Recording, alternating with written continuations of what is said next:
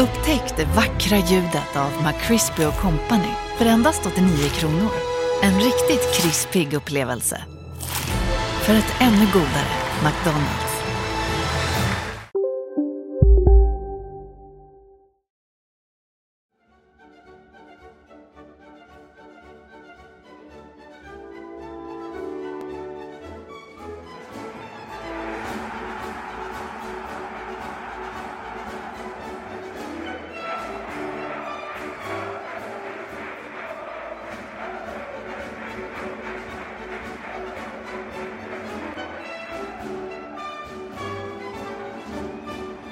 Det är torsdag förmiddag när vi spelar in veckans avsnitt av HIF-podden. HIF har varit uppe i Norrköping och förlorat. Norrköping vann med 2-0.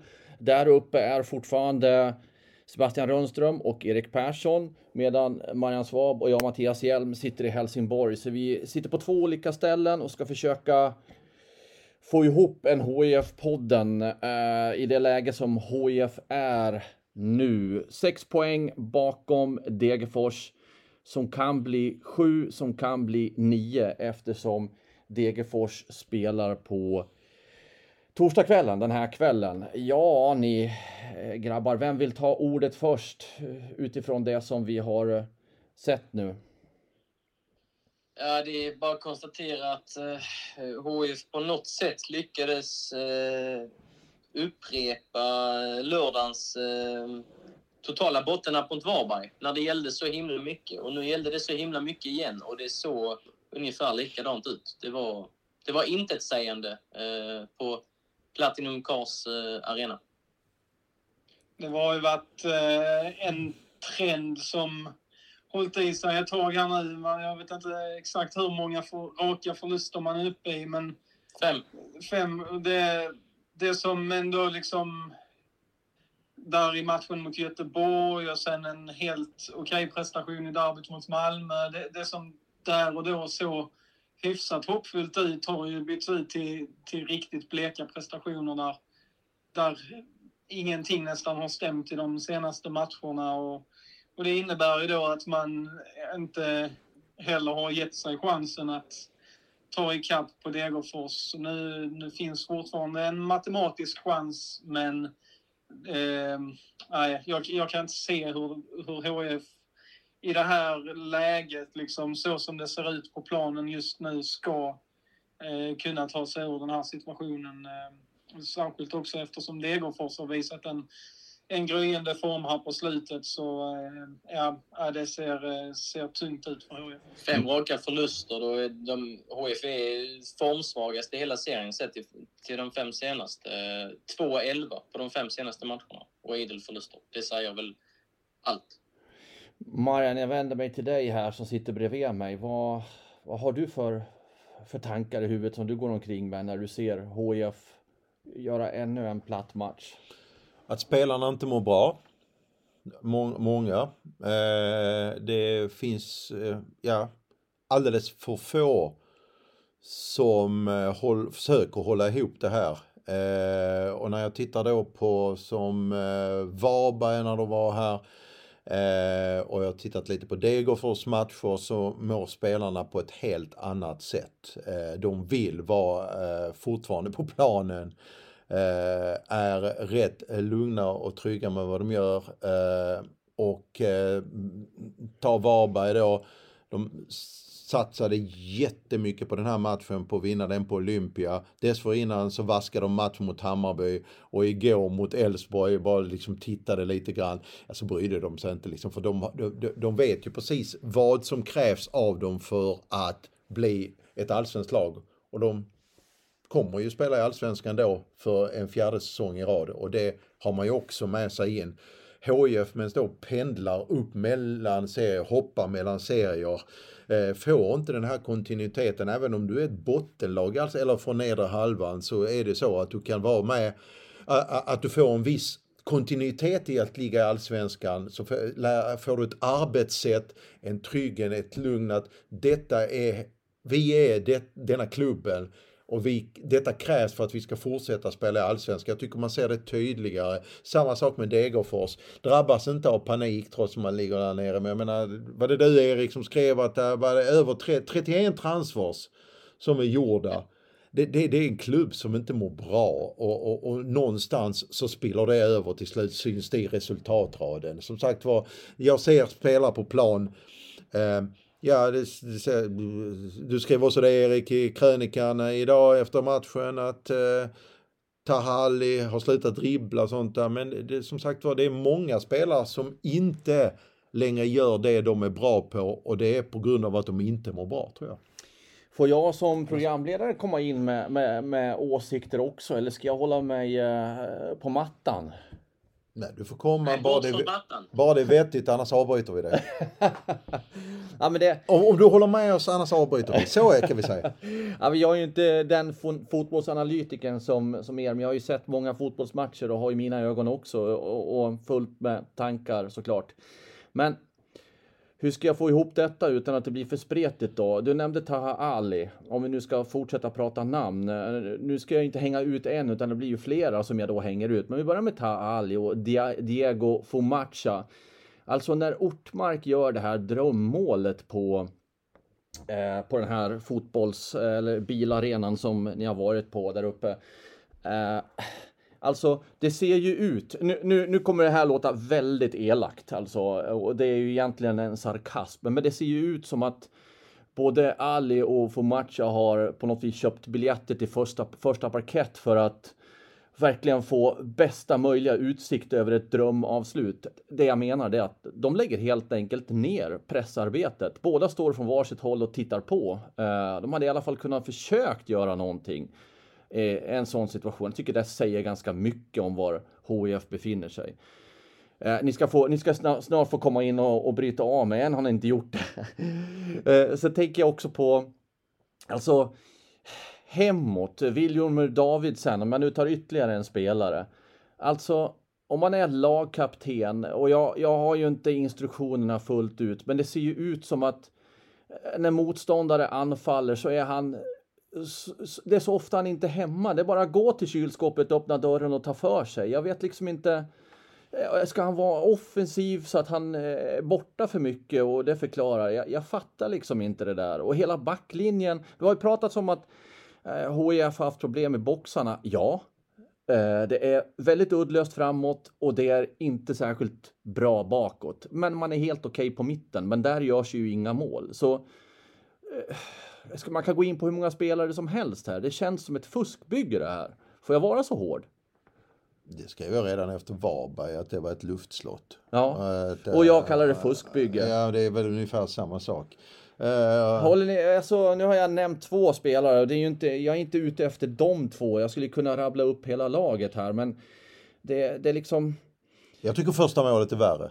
Ja, det, det, är, det, är ett, det är ett klassmål, det, för, det andra ju liksom, det är svårt att försvara sig. Ja, men man kan ju försöka göra någonting för att störa i alla fall. Ja, ja, ja, men som sagt var, det, det första målet är ju mycket värre och det är ganska avgörande för att minsta lilla motgång HF har i matcherna nu, det sänker det här laget något kopiöst jämfört med kanske andra lag. Ett lag som befinner sig i den situationen HF, minsta lilla motgång gör ju att det blir förlamat eh, och man klarar inte att hantera ens stabila lag, trygga lag, kanske har perioder i matcherna där de inte är bra, där det går emot dem, men där de ändå har saker som de kan luta sig mot. Här finns ingenting att luta sig mot. När det väl kommer en motgång så är det i princip alltså, ja, matchen är över när det gäller HIF. Ja, eh, Tyvärr. Men, med, med den situationen också, nu tar jag ett namn till som har varit bra, men alltså Kalle Johans, Joelssons agerande, det var, ju, det var inte bra fram till dess, men, men hans agerande att inte sikt, alltså, på något vis försöka vid första stolpen. Alltså jag... Men i bra lag så lyfter spelare varandra. Eh, varandra. I eh, dysfunktionella lag, ja då drar spelarna ner varandra. Även de som har tidigare kanske varit bra sänks ju i den här miljön ju. Det, det, det, är, en, det, är en nedåt, det är en spiral som gör men, liksom. men, men alltså stort ansvar, väldigt vad jag tycker här nu. Jag ska snart knipa igen här, men alltså stort ansvar faller på Andreas Granqvist. Hur han har från början inte lyckats få ihop truppen. När han ska försöka rätta till det så gör han enorma förändringar. Och sen har han ju genom åren eh, haft förhoppningar på att de här så kallade stjärnorna från, från mindre eh, nationer ska vara blivande stjärnor i allsvenskan. Och det, det verkar inte ha varit en hållbar eh, strategi. Äh, nu, nu släpper jag in er andra. Tyck till, säg emot mig. Nej, men jag, jag tänker väl också att så ser man... Vi har pratat mycket om det här med att eh, väldigt många spelar in och ut, att det tar tid att sätta ihop ett lag. Och absolut att eh, Thomas Rogne och Abbe Khalili, ja, kanske även liksom Alexander Falsetas, det, det är ju givetvis hur bra värvningar som helst för HF i det här läget. Och, och, och de de tre har ju varit bra. De har ju varit bättre än resten av laget. Eh, nu var inte Rogne bra i, igår mot Norrköping, men... Ja, inte Falseta. Inte Falseta ja, ja. Men om vi tar eh, Rogne och Kalili så normalt sett alltså i, i, flera matcher så har de ju varit eh, flera nivåer bättre än, än sina lagkamrater. Men tittar man då liksom i övriga startelvan, nu ruskar man om inför Norrköpingsmatchen, gjorde fyra förändringar i, i elvan och då ser man Filip Reinhold som högerback som, eh, som aldrig har spelat i en högsta liga. Ah, han var ju ett rundningsmärke, han kan man ju också eh, outa liksom. William och Davidsen till vänster som ju har haft en eh, brant nedåtstigande formkurva eh, sedan början av säsongen. Kasper Widell som, eh, som är en jättetalang men som inte har så mycket rutin från den här nivån. Diego Formasa på mitten som har, ja, ingen verkar ens veta vilken nivå han har spelat på i Brasilien bara. Arjan Kabashi som kommer från ett bottenlag i Superettan. Eh, Amin Al-Hamavi som mestadels har spelat i ettan med Torn. Taha Ali som eh, absolut var hypad inför säsongen och gjorde stor succé i Superettan förra året. Men som inte heller har, har allsvensk erfarenhet inför den här säsongen. Och Sama Muslim på topp som gjorde det väldigt bra i början här i HF men men eh, nu som spelade i ettan i fjol. Lite kämpigare på slutet. Och som spelar i ettan i fjol. Som har ett halvår i Superettan eh, på CV. Så med åtminstone med det laget man ställde på benen mot Norrköping igår så, så känns det ju inte som att man egentligen kan kräva så mycket mer än vad man fick se. För det, det är ju i mångt och mycket liksom superettan-spelare eh, och inte allsvenska spelare. Det, det är många som har blixtrat till i någon enskild match och, och säkert eh, vissa i, i den startelvan som kan bli bra på sikt. Så, men det är ju här och nu så när man slåss i botten av allsvenskan så, så är det inte mycket erfarenhet eh, om man då plockar bort eh, Rogne och Falsetas och, och William och Davidsen då som, som kämpar med att hitta sig själv på plan. Mm, så. Men ja, jag, jag, köper, jag köper det att man inte har spelat på, på, på, många har inte varit på den här nivån och så vidare. Men det går ju faktiskt fortfarande att göra anständiga spelare av eh, superettan-spelare, av till och med division 1-spelare och förr i tiden fanns Gävle som gjorde till och med spelare, eh, spelare som de sålde utomlands som kom från division 2. Eh, var, varför är det så svårt i HIF att få en utveckling på spelare som kommer nerifrån och som har potential. För det där är ju genomgående som sitter någonting sitter i väggarna här uppe på Olympia som gör att inte spelare får utveckling. Det, det, det, det är ju det som man, eh, jag tror är problemformuleringen och där är en knut som HF måste lösa framöver. Vi, vi, vilka spelare på de senare åren kan vi peka på? Eh, alltså, liksom, ge, ge mig fem spelare som man känner wow vilken utveckling de fick när de kom till Olympia. Det är faktiskt eh, eh, någonting som jag undrar, eller har funderat på rätt mycket på sistone. Eh, tidigare också. Men vad är det som händer med spelare som kommer hit och i vissa fall spelare som kommer hit som misslyckas som går till en annan klubb och där de får ett lyft. Det är någonting som jag tror att HF måste fundera över i grunden gillar jag ju att man, att man letar fynd på, på lägre nivå och inte bara kollar erfarenhet och så. Framförallt eh, med tanke på HFs eh, förutsättningar så kan man inte kolla på de, på de finaste och mest lukrativa hyllorna. Men, men en klubb som Varberg exempelvis som kan plocka spelare från Tvååker som går in och gör skillnad. Alexander Johansson gjorde skillnad för några dagar sedan på Olympia. De hämtar honom från, från Tvååker liksom, i, i ettan. Eh, men där har de ju en liksom, tydligare plattform att stå på. Det är inte, det är inte High Chaparral varenda jäkla säsong som det, som det är på Olympia. Eh, de kan plocka spelare till sin modell, är tydliga med vilka förutsättningar som finns och så vidare. Det är fler klubbar som kan jobba så. Värnamo. Det måste inte vara de bästa spelarna på, på pappret, men, men HIF lyckas ju, som vi är inne på, inte ens med dem som skulle kunna vara potentiella fynd. För att det är liksom det de här spelarna kommer till, det, det, det, är, det är någonstans för, för bräckligt. Uh, och då kommer vi in på, på den röda tråden och, och så vidare som, som, som man undrar var, var den finns eh, i, i föreningen. Och vi kommer också in på, på eh, drastiska beslut och tränarbyten och, eh, och så vidare. och så vidare. Men det är ju, jag håller med Erik här va? Och, och, och, och vad jag skulle komma till är att du ska egentligen vara oberoende av vilket namn som är tränare. Jag vet att det liksom nu eh, snackas om, hade man eh, haft en mer erfaren tränare, men det hade man i Jörgen Lennartsson. Jag, jag, fick, eh, jag hade den diskussionen på någon av träningarna med en av, eh, ja, en av supportrarna där uppe eh, nyligen. Eh, hade man bara istället för att eh, det var en chansning då med Alvaro och Lindström, de är alldeles för gröna, så det kan jag hålla med om. Men det ska inte, det, jag, jag, jag, har du en fungerande verksamhet och en röd tråd som Erik pratar om, då tycker jag liksom man, man ger då ska inte tränaren ha så stort avgörande betydelse. Har du en scouting som fungerar, har du eh eh, eh, eh, eh, en tydlig röd tråd genom den sportsliga verksamheten, då spelar det inte så stor roll vem som är tränare egentligen eh, för det, så länge gruppen av spelare fungerar. Och den har den inte gjort på länge. Det gjorde den egentligen inte i fjol i superettan heller utan HIF halkade in i det här kvalet på ett bananskal. Eh, eh, man vann då, man gjorde förvisso ett jäkligt bra kval.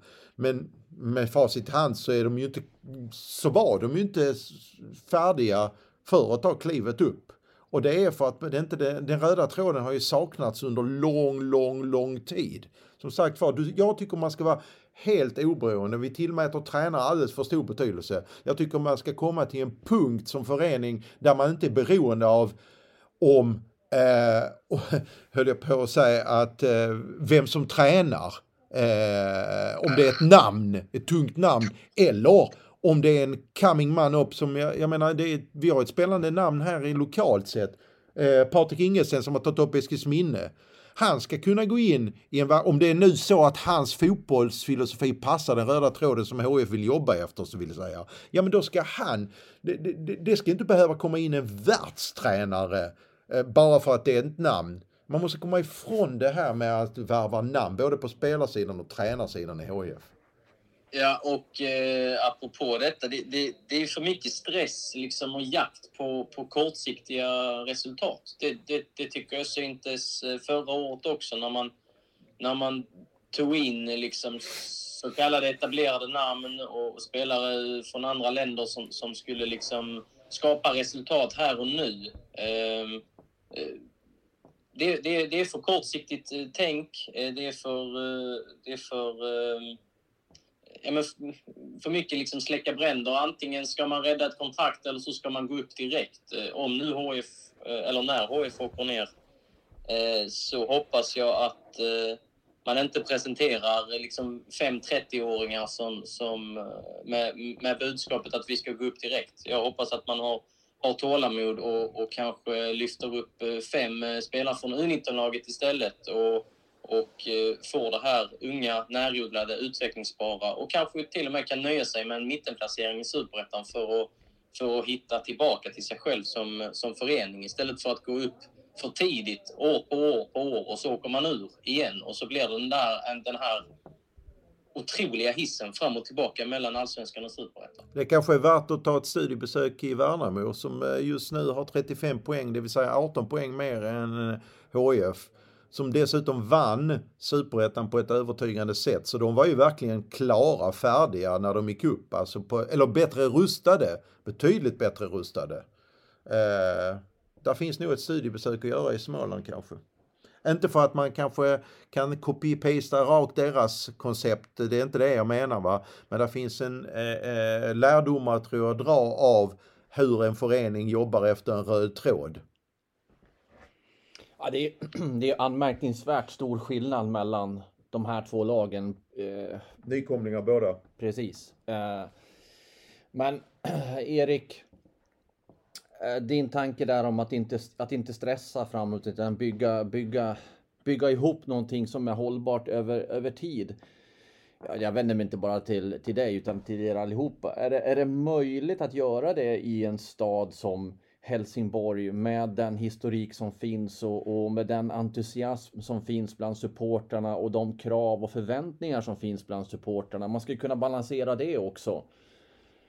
Gör det möjligt. Jag tror nog supportrarna är glada, är glada om fem år om man har byggt något, eh, något hållbart och, och så får man ha kanske lite, lite is i magen. Eh, men liksom fixa någon form av eh, trovärdighet för den, den är ju som som bortblåst. Det, det, det, har gått eh, på andra ställen eh, där det finns en del press också. Sen är det speciellt i Helsingborg som stad och så, men man kan inte bara lyssna på vad stans medborgare säger. Man, de på Olympia ska vara tillräckligt kompetenta eh, nog för att eh, kunna tänka i liksom hållbara eh, termer. Men eh, det har de inte riktigt visat de senaste åren. Nej, alltså jag, jag kliver in här före dig Sebbe eftersom jag vill haka på det Erik säger. För ni befinner ni ju i Norrköping där jag jobbade tidigare. Nu kommer jag inte ihåg på rak arm, men det var väl typ sju år nästan de var i Superettan. Men risken där, nu kommer de tillbaka, sen åkte de ur och sen så kom de tillbaka för att bli bestående. Så tog de SM-guld och så har de lite jobbigt igen. Men de har ändå hittat en stabilitet. Det har vi snackat, det, det är ju en klubb med väldigt mycket historia i. Eh, och många SM-guld. Men Alltså när det blir en sån lång period som Norrköping hade, det, det blir en slags ökenvandring och att det nästan blir vardag i det hela och det, det vill ju allt till att man till slut faktiskt kommer upp också och blir etablerat för annars eh, annars kan det infinna sig, jaha, det här är vår nivå nu och sen eh, någonstans nästan lär man sig det när det blir för lång period. Så det, det är svårt att bygga över tid tror jag också. Ja, fast är det bättre att liksom åka hiss på det här sättet? Jag, jag hävdade liksom redan förra året att, att eh, HIF, om de går upp nu så, så är det nog lite för tidigt. Och det är inte så att jag sitter här och eh, ångrar mig riktigt för att jag sa så. Då fick jag skit för att det är klart att HIF ska upp direkt. Men är det, är det roligare för liksom fansen och, och folk i klubben och alla som följer det här att, att, att det blir på det här sättet istället? Uppenbarligen var de inte redo. Varför, varför inte bygga något hållbart och så får du ta lite tid? Det kanske får ta fyra, fem år i Superettan. Nu har man testat den här varianten och pendlar mellan serier. Nu kanske, det jag säger inte att någon annan variant är bättre så, men man kanske kan prova något annat i alla fall. En annan ja, strate strategi. Att, att, ja, sen är det klart att det, det, det, är inte så att de ville det här. De trodde väl att, att de var, var redo och, och inte så att de skulle lägga sig i kvalet. Det är inte det jag sitter och säger. Men, men om man... Ja, men man ser lite på hur man bygger en trupp. Tar man in liksom Viktor Lundberg, Rasmus Karjalainen, då signalerar man att vi tar in lite mer etablerat. De här spelarna ska hålla i allsvenskan också. Det visade sig att de inte gjorde det. Eh, man tar in liksom landslagsmän som från, från eh, min, eller blåbärsnationer i princip, som du var inne på, Hjelm. Och liksom, ja, men man, man, man signalerar att detta är ändå en, en satsning. Måste man signalera det så kraftigt? Måste man det? Kan man inte lyfta upp Simon Bengtsson, Leo Frigell Jansson, Arvin Gigovic och, och, och någon till istället? Och, och, jag var förtjust på försäsongen. Jag tror inte hade blivit lägre heller. Exempelvis Erik. som spelar med Stans söner. Erik, jag är ganska förtjust i den. Jag vet inte hur har det gått för han Vilgot Karlsson som jag tror jag skrev en text om på försäsongen. Jag blev eh, imponerad där faktiskt. Ja, det är ytterligare Han har haft lite, vet att han hade lite skadeproblem i somras och sånt. Men det, det finns ju namn i grunden. Har HIF en, eh, en bra akademi eh, och eh, i det här i det här läget tror jag att det finns eh, liksom rejäla signalvärden i att kanske satsa på en sån spelare istället för en 21-åring från Estland eller, eller plocka in något från någon, någon annan eh, världsdel. Liksom. Ja, där finns väl både han Ervin och Anton Nilsson och som du, mm. där finns ju en hel uppsjö. Ja, och säg, säg, att man liksom satsar helhjärtat på det. Då signalerar man väl också att vi har lite mer tålamod den här gången. Vi, vi, vill, vi, vi vill och vi ska tillbaka till allsvenskan, men vi vill göra det på, på rätt sätt. Och, och eh, jag tror folk har lite mer förståelse om man ställer upp med ett, eh, ett lag med liksom stadens söner eh, som kanske inte är helt redo här och nu, men som kanske blir det när de får, får spela i exempelvis superettan vecka ut och vecka in. Istället för att, att värva värva etablerat och, och eh, ha en retorik där man, där man säger att vi ska upp. Jag tycker inte det är fel att ha, för att vi kan, man kan inte bara bygga givetvis en trupp på Vi är specialister på det vi gör, precis som du. Därför försäkrar vi på Swedea bara småföretag, som ditt. För oss är små företag alltid större än stora och vår företagsförsäkring anpassar sig helt efter firmans förutsättningar. Gå in på swedea.se företag och jämför själv.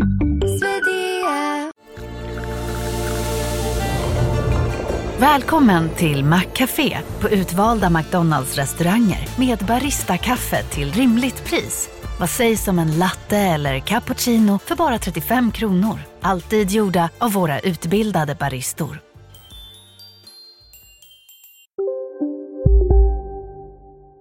skala lovande spelare. Absolut egna, inte, absolut Men jag tänker en sån som Thomas Rogne är ju perfekt för en sån satsning och jag bara ska ta ett namn eh, i högen här. Som, som, som de här spelarna kan ta rygg på. Eh, han tycker jag ändå är en av de som har stuckit ut vad det gäller det, liksom, eh, ja, äldre erfarna spelare. Och som jag tror, och, och, och, det jag har pratat med honom och så va, eh, han har ett sätt eh, som, där han kan få med eh, med sin ledarstil och sitt sätt att spela och sitt sätt att vara på planen och åka utanför tror jag att han skulle kunna vara en sån stöttepelare i en sån satsning. Absolut, han är, men samtidigt så eh, även om han har sagt att han ska stanna, även om HIF åker ur och även om det inte finns någon klausul i kontraktet så känns det inte ganska orimligt att Thomas Rogne utan någon tidigare koppling till HIF skulle spela i Superettan? Alltså, det, det känns too much. Eh, det, det beror väl på? Det är lite det här som när Andreas Granqvist länge gick och hoppades på att Martin Olsson och Mix Diskerud skulle följa med ner i Superettan efter debaclet 2020. Att Alltså det, det känns inte realistiskt. Men samtidigt, skillnaden med att skillnad, kontrakt. Exakt, så är det ju absolut. absolut. Men, eh, men eh, alltså, lyckas man behålla Rogne så, så är det ju hur bra som helst. Det är, det är en ren dröm för HIF i så fall i Superettan. Men det, det jag tänkte säga innan var att oavsett eh, så A och O här är att man bestämmer sig för en strategi. För vad har egentligen varit strategin? Eh, man tog in Jörgen Lennartsson som tränare. En klassisk utrik, eh, liksom utpräglad, utpräglad 4-4-2-tränare. Defensiven först och, och sen så bygger man därifrån. Kan vara jättebra. Det har vi sett liksom ett lag som Varberg som, som tar sig fram på, på sådana lite mer primitiva premisser. Det, det behöver inte vara dåligt. Men sen så ändrar man till 4-3-3 inför den här säsongen. Eh, varvar spelare som absolut var de varvningarna man gjorde i, i vintras eh, anpassade efter 4-3-3.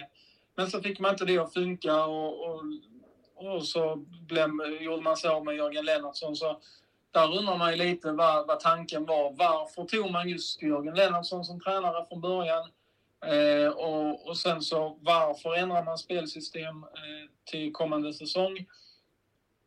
det, oavsett eh, vilka spelare man har, eller ja, man ska ju varva utifrån eh, sin strategi menar att... Men då måste man veta man, vad strategin man måste, är. Innan man börjar sätta någon målsättning att vi ska upp igen eller vi ska ha tålamod och ta något år extra i Superettan så måste man ha en strategi för vilken sorts fotboll vill vi spela. Se på Kalmar, det tog inte många månader innan de gick från att nästan vara i Superettan till att eh, ha fått total ordning på, på sitt lag och nu liksom är man med och och slåss i, den, i toppen i allsvenskan för att man har satt en strategi med Henrik Rydström. De spelarna, de är inte, det, det är inget topplag på pappret. Det är ett mittenlag, 9-10 kanske i allsvenskan på pappret med det materialet de har.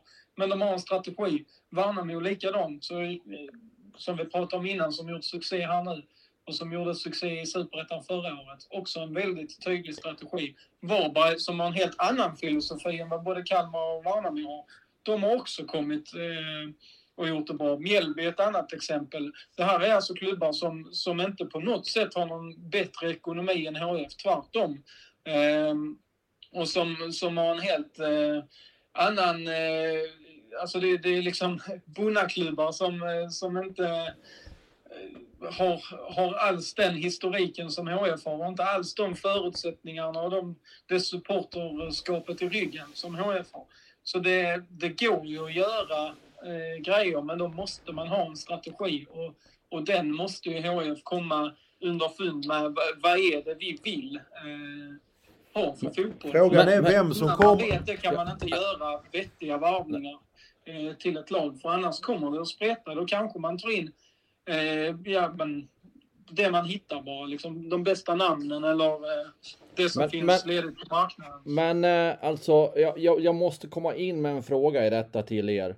För att kunna sätta en strategi och för att sen kunna upprätthålla den strategin och få in rätt folk på rätt positioner i tränare och spelarled. Så kommer frågan, finns den kompetensen i HIF att göra det här? För att kunna göra en Kalmar eller för att kunna göra en Värnamo eller vad man nu ska använda för, för referens. Ja men det var det jag skulle komma till. Men bra att du ställde frågan. För att det är det också man måste eh, ställa sig eh, i grund och botten. Vi ska ha en röd tråd. Bra, vi bestämmer oss för den här röda tråden oavsett vad det blir. Och sen måste man faktiskt först och främst säga, vem är det innan man den, sätter den här röda tråden, vem ska sätta den röda tråden? Är det nuvarande sportsliga ledning under Andreas Granqvist eller beroende på om han orkar eller inte om det blir en degradering här nu när det blir klart så, så kanske luften går ur honom också så att han lämnar frivilligt. Det vet jag inte. Men han har ju väl eh, ett åtagande som är en säsong till har jag för mig. Han skrev ett treårskontrakt. Eh, man vet inte hur det blir. Mellberg är ju liksom tränaren som när de åkte ut förra gången, där gick luften ur rätt många, många försvann. Så det kanske är så att Granen inte orkar med en vända till. Eller så bestämmer sig styrelsen för att vi ger äh, stape- Granen stafettpinne över till någon annan sportchef. Vi omorganiserar kanske alltihopa som man gör nu inom politiken med nej, departement och så. Man omorganiserar alltihopa med satsar istället på kanske en managerroll med scout, en scout och anställer det istället. Jag vet inte.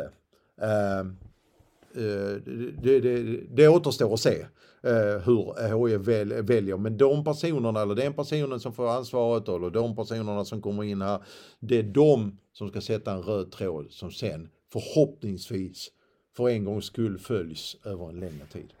I den här röda tråden, eh, Marian, och ni andra där uppe i Norrköping. Alltså, då måste man ju också bestämma sig för vilka tränare man ska ha. Nu har man ju eh, satsat på Mattias Lindström och Alvaro Santos. Och du Sebbe, du nämnde Henrik Rydström. Henrik Rydström verkar ju vara one of a kind här nästan. Ja, det finns väl någon mer som har något liknande eh, någon liknande aura kring sig och förmåga att få eh, ut 13 av 11 spelare liksom, på något Ja, vis. Jo- Jonas Tarn är ju ett annat exempel. Ja, precis. Så de växer ju inte på träd de här, de här tränarna. Men tillbaka till Lindström och Santos. Har de det här? Jag, jag vet inte, för jag, jag funderar. när man ser så här, du pratade också om att det var 4-3-3 och då var inte Jörgen Lennartsson rätt tränare för det och sen så blev det Lindström och Santos och så har det ofta varit 4-2-3-1.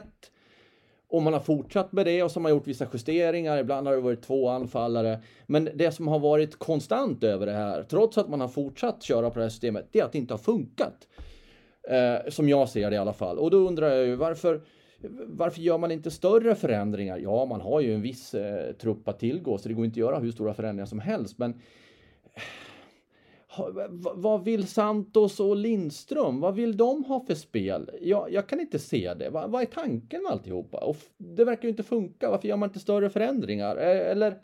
Eh, jag... ja, men liksom, det är ju det. Vad är, vad är tanken med alltihop? Och, eh, det är väl min bild. Jag hejade liksom till när, när HIF gav eh, Alvaro Santos och Mattias Lindström det här eh, uppdraget för jag såg väl båda som... Eh, kanske inte att de ska stå längst fram i ledet eh, i ett sånt här eh, läge och då, då tänker jag eh, inte på det som ligger på plussidan, att de är klubbikoner och kan, kan klubben och kan säkert gjuta in mod och, och hela den biten.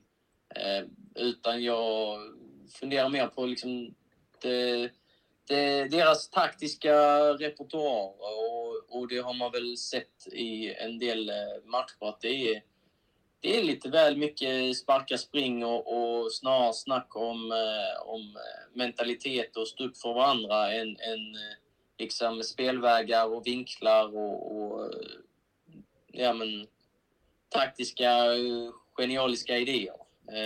Det har de ju inte inte visat. Och jag frågade Alvaro Santos vad, vad tanken var med matchen mot Norrköping eh, på presskonferensen igår. Och frågade det och liksom vad, vad taktiken var. Det, jag förstår att han inte sitter där på en presskonferens och berättar om eh, alla liksom, taktiska hemligheter och så, men det var ett väldigt, vad ska man säga, enkelt svar och eh, tydligt på sätt och vis också att nummer ett i prioriteringen var att hålla ihop som, eh, som grupp och liksom mer mentala faktorer snarare än det taktiska. Och det kan man ju tycka kanske, ja, det finns väl en poäng i det i det här läget, men det känns lite som man har tappat det taktiska längs vägen. Och jag tycker det, jag tycker det syns i matcherna. För jag står också med den frågan, Hjelm.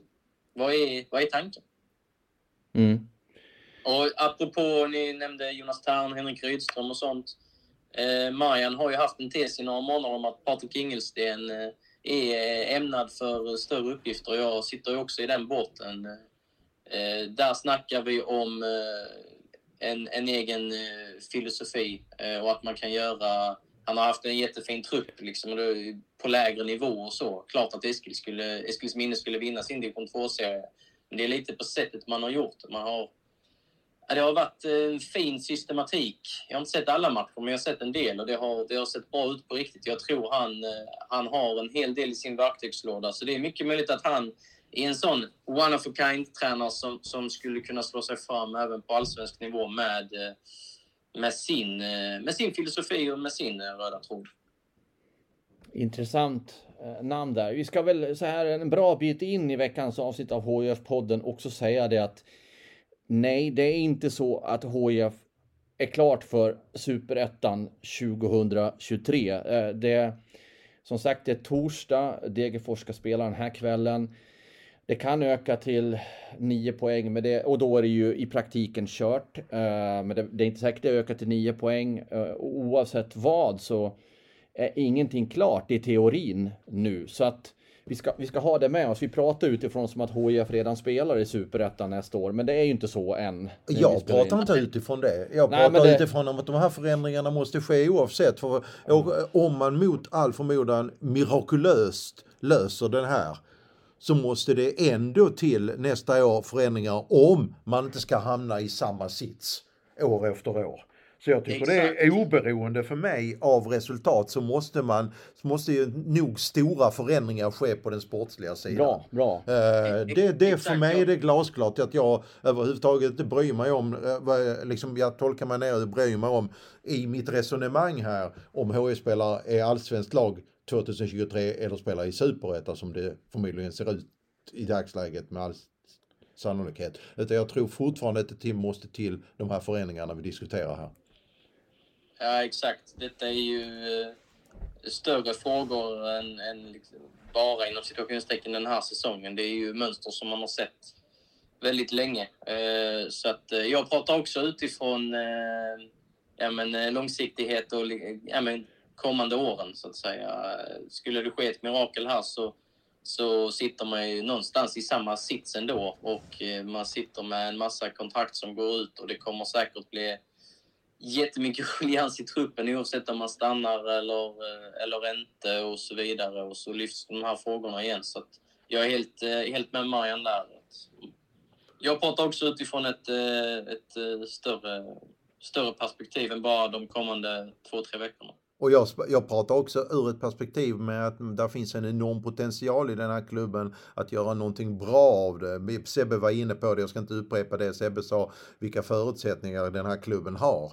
Uh, och det tycker jag man har Uh, och, och, det var även, uh, det har bara varit en naturlig, det, det Granen har inte lyckats vända skuta, han och hans gäng här. Uh, det, det, det, det, det, här förfall, det här med att inte hitta rätt kurs, det började ju redan under Henrik Larssons tid som tränare där. Eh, att man gick vilse och man har inte hittat fram. Eh, eh, som sagt, vi tjatar men det, det, det, är viktigt det här med att hitta en identitet, en röd tråd genom hela föreningen och sen hålla fast, våga. För det handlar om mod också, ja, våga det, hålla fast. Jag tror det är ett nyckelord också för att ja. låt säga att det skulle bli så att HIF åker ur och så mycket tyder på och sen Lägger man om det här som ni pratar om och man satsar på unga spelare och så har man någon erfaren. Alltså skulle det bli att man ska ge det här tid och så kanske inte resultaten kommer ens i en eventuell superettan om man ligger i mitten eller nedre delen av mitten. Hur reagerar allt folket i stan här då? Ja, knappast jättepositivt. Då måste man ju ha väldigt mycket ryggrad att kunna tro på det man gör över tid. Så ska man, ska man slå fast en sån kursändring oavsett nu då om det är allsvenskan eller superettan, då måste man ju också ha det kuraget när det inte går bra. Och det har eh, fler klubbar än HIF. Eh, eller ja, alltså det, det, är ganska vanligt att det inte är så enkelt när det väl blir jobbigt sen att stå fast vid en strategi. Ska man sen se till något positivt så, så är det ju ändå att klubben har ordnat upp det ekonomiska kaoset.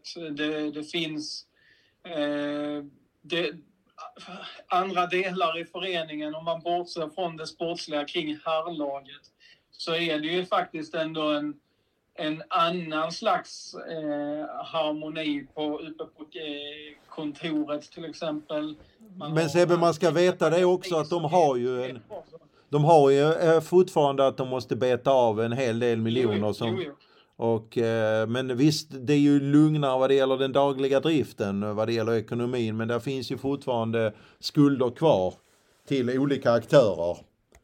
Jo, så är det ju. Så är det ju. Men det, det, det verkar också vara inom eh, ett... Ja, det verkar vara hanterbart åtminstone. Men, men just det här att, att man ändå står på en mer stabil ekonomisk grund nu, det är ändå någonting som som man ska ha med sig i det hela. Absolut. Eh, att det, det är en viss del av, av klubben här som, som går eh, väldigt dåligt för tillfället. Men att förutsättningarna liksom ekonomiskt och, och organisatoriskt så ser ju bättre ut för att man ändå ska kunna få ordning på detta än vad det kanske gjorde för fem, sex år sedan där, där det var liksom totalt kaos på alla håll och kanter i klubben. Här finns ju ändå en, en, en större trygghet i, i det man gör. Sen är absolut, alltså kärnverksamheten är ju fotbollsbiten. Det får vi inte komma ifrån. Att det, det är den som, som driver den här klubben och, och det som, som gör att de andra delarna av föreningen också kan fungera. Att det finns ett publikintresse kring det här. Att det finns ett eh, kapacitet liksom att, att få in sponsorer som tror på det här projektet. Och det är klart att allt det får sig en törn av att man eh, kanske då eh, antagligen åker ur eh, än en gång. Men, men det finns ju grundpelare att stå på eh, för att kunna studsa tillbaka. Oavsett då om man, vilken väg man då väljer sportsligt så, så finns det ändå en, en stabilitet i, i liksom ekonomin nu. På ett annat sätt, den är inte jättebra, men, men den är ändå mer stabil än vad den har varit tidigare.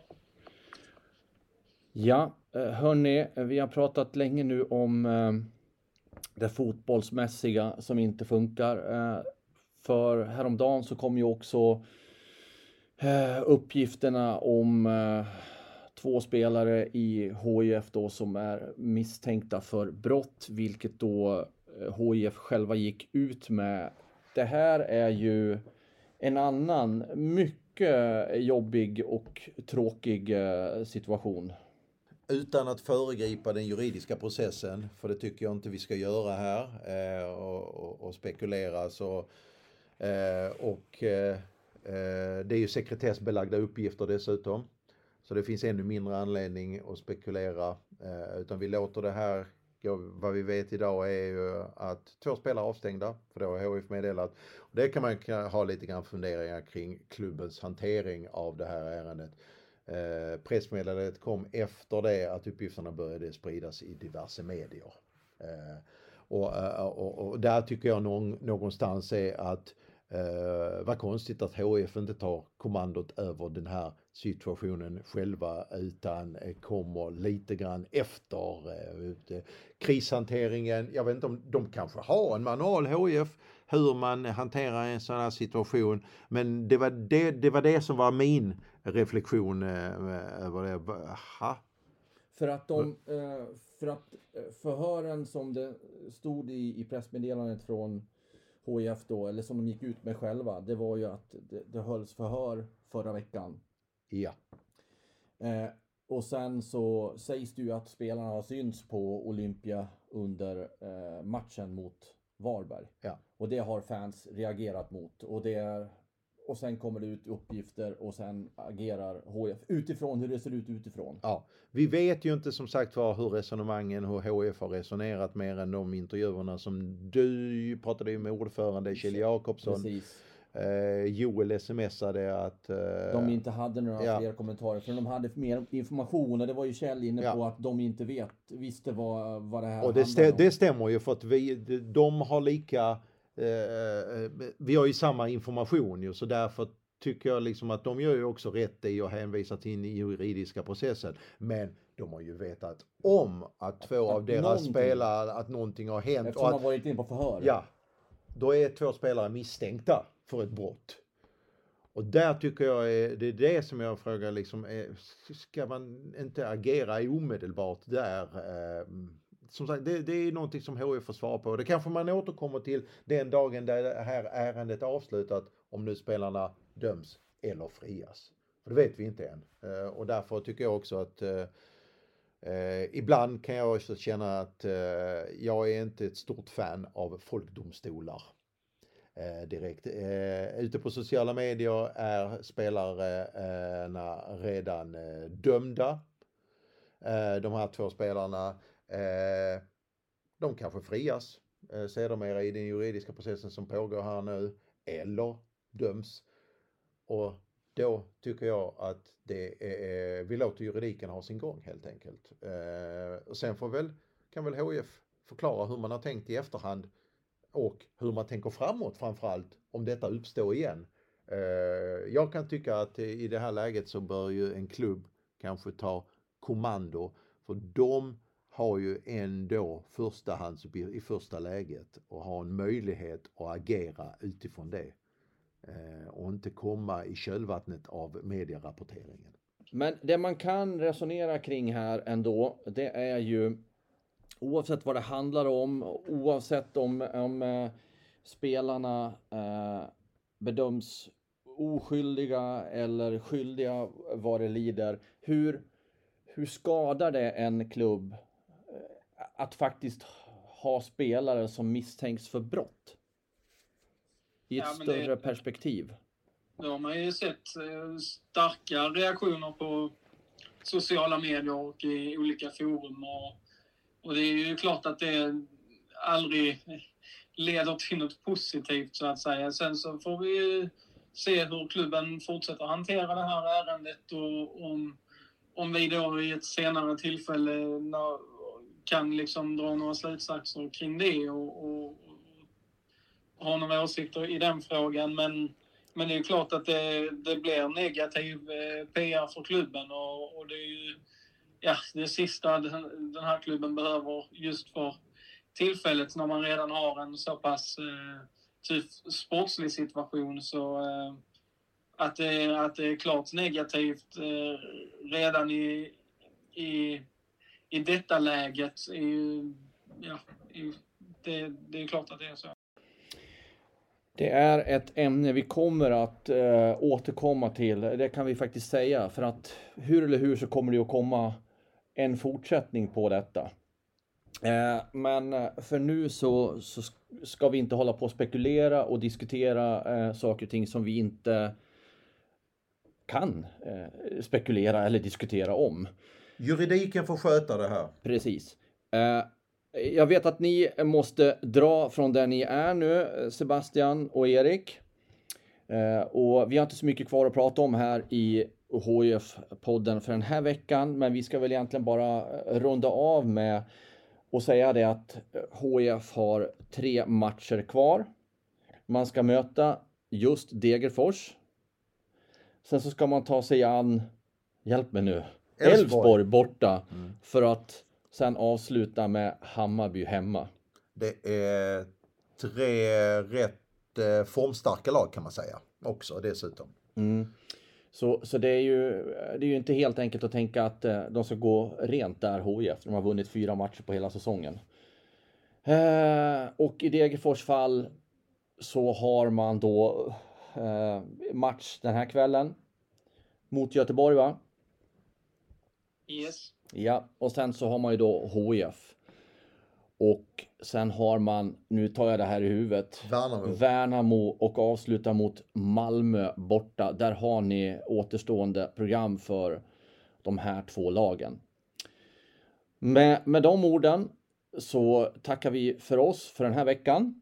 Och sen så hälsar vi er tillbaka om en vecka.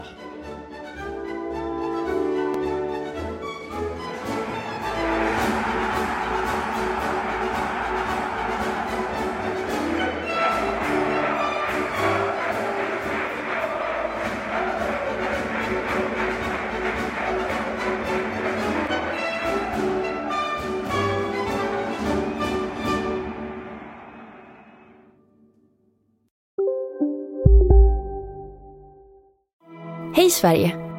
Apoteket finns här för dig och alla du tycker om.